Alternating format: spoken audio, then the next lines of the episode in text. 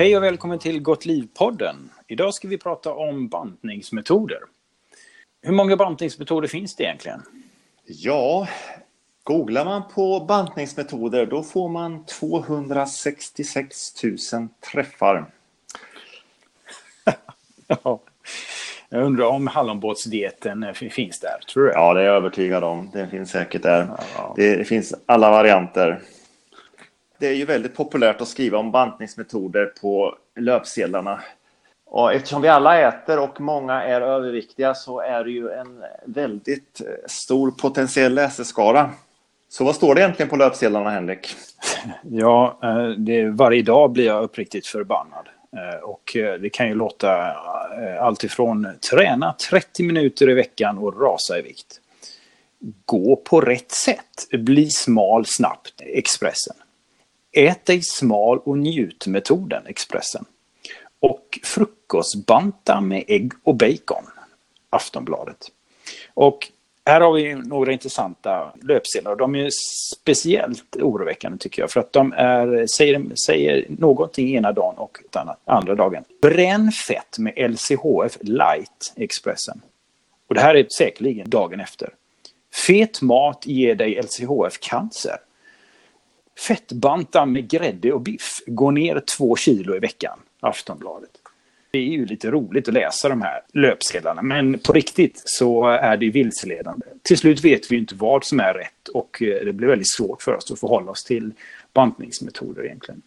Och den vanligaste dieten är väl egentligen eh, LCHF då i Sverige, i alla fall en av de största. Vad säger egentligen forskningen kring LCHF? Ja, alltså på, på kort tid går den bra och det är ju samma effekt som med alla metoder att om man äter mindre energi än man gör av med så går man ner i vikt. Och på eh, kort tid så kan man hålla sig till det. Så det funkar och man vet ju generellt sett att när man går ner i vikt med vilken metod som helst så, så efter två år så har i genomsnitt 80% gått upp i vikt till antingen samma vikt som de började eller högre. Så att långtidsprognosen är ju väldigt dålig för att gå ner i vikt. Eh, och när det gäller alla dieter och även LCHF, den stora vinsten är ju att man äter mindre än vanligt och att man då tar bort, ofta blir det ju mellanmål man tar bort. Så därför går man ner i vikt. Eh, men långsiktigt är det inte bra med LCHF. Man vet ju redan sedan tidigare, och det står ju i stort sett alla rekommendationer, att för mycket kött är inte bra och det är också för lite frukt och grönsaker. Så, så att i långa loppet är det ju inte hälsosamt. Nej, och det är den quick fix-lösningen som vi tycks ändå eh, titta efter hela tiden. Vi ser eh, den framtida kroppen, vi ser den framtida viktnedgången. Vi ser när eh, vi går på stranden när vi ska trivas med vår kropp eller när bältet plötsligt når runt kroppen. Det är då vi ska vara glada och trivas med vår kropp. Istället för att uh, tänka att vi bör göra det nu naturligtvis. Mm. Så det är ditt främsta tips, det här att tänka på nuet?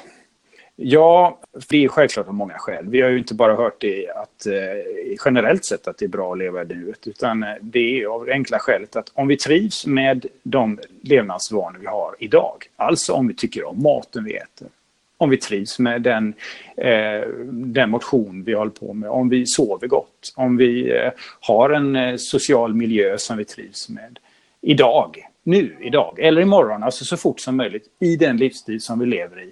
Ja, eh, då är det ju då naturligtvis troligt att vi även trivs imorgon och dagen efter och nästa vecka i den livsstilen. Istället för att vi skjuter upp en förmodad trivsel till en framtid hela tiden. Det finns nämligen en risk att vi då aldrig blir nöjda. Och det kan vi ta upp i ett annat avsnitt. Eh, men det är väldigt viktigt. Och när det gäller ett konkret råd för att gå ner i vikt så är det som Gunnar säger att vi kan skära ner på intaget utav någonting i våran kost. Och eh, då gå ner i vikt. Om vi bibehåller samma motionsnivå. Det är gärna bra om vi ersätter någonting, eh, till exempel kött med något vegetariskt alternativ istället, som ofta då innehåller mindre energi. Eh, det är ett enkelt sätt att gå ner i vikt och på så sätt då också vända sig till mer hälsosamma vanor. Något annat jag måste säga också, det är ju fundamentalt att vi hittar rätt i detta. Att vi verkligen trivs med maten vi äter. Annars så kommer vi aldrig lyckas. Mm. Det, det är jätteviktigt och vi ska inte underskatta svårigheterna. Det är alltid svårt att ändra sina vanor. Det är ju alltid ett initialt motstånd. Att det är alltid tungt att ändra på våra vanor. Vi har ju våra vanor och ovanor för att vi trivs ju med dem. Så att det krävs ju en viss initial ansträngning.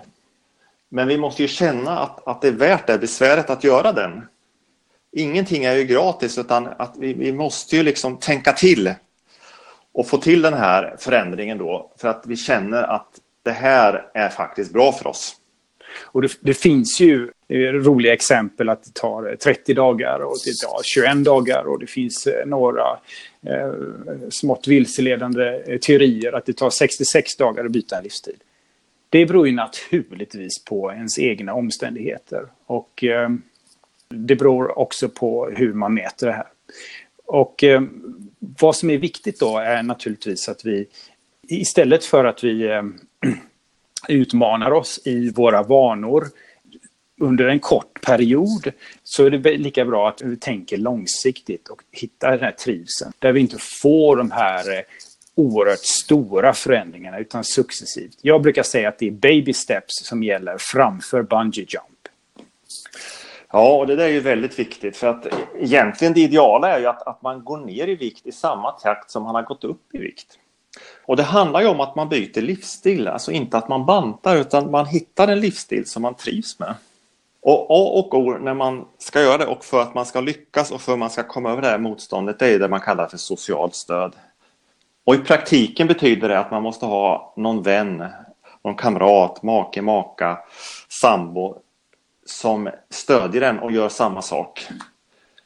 Och blir det tvärtom, att, att man får motstånd, att den här partnern inte tycker att det här är en bra idé utan liksom lite småtrakasserar en, då det är nästan garanterat att det misslyckas då.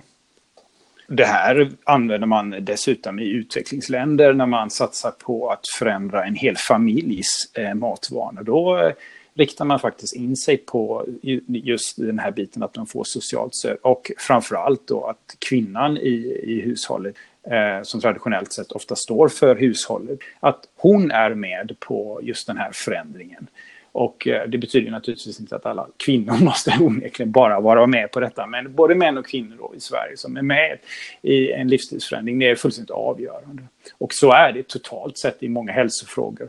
Den sociala aspekten har vi pratat om, om lycka för i tidigare avsnitt, eh, där vi också har, har, ser samma koppling. Mm. Jo, det här, det här är otroligt viktigt, den här sociala biten, mentala biten.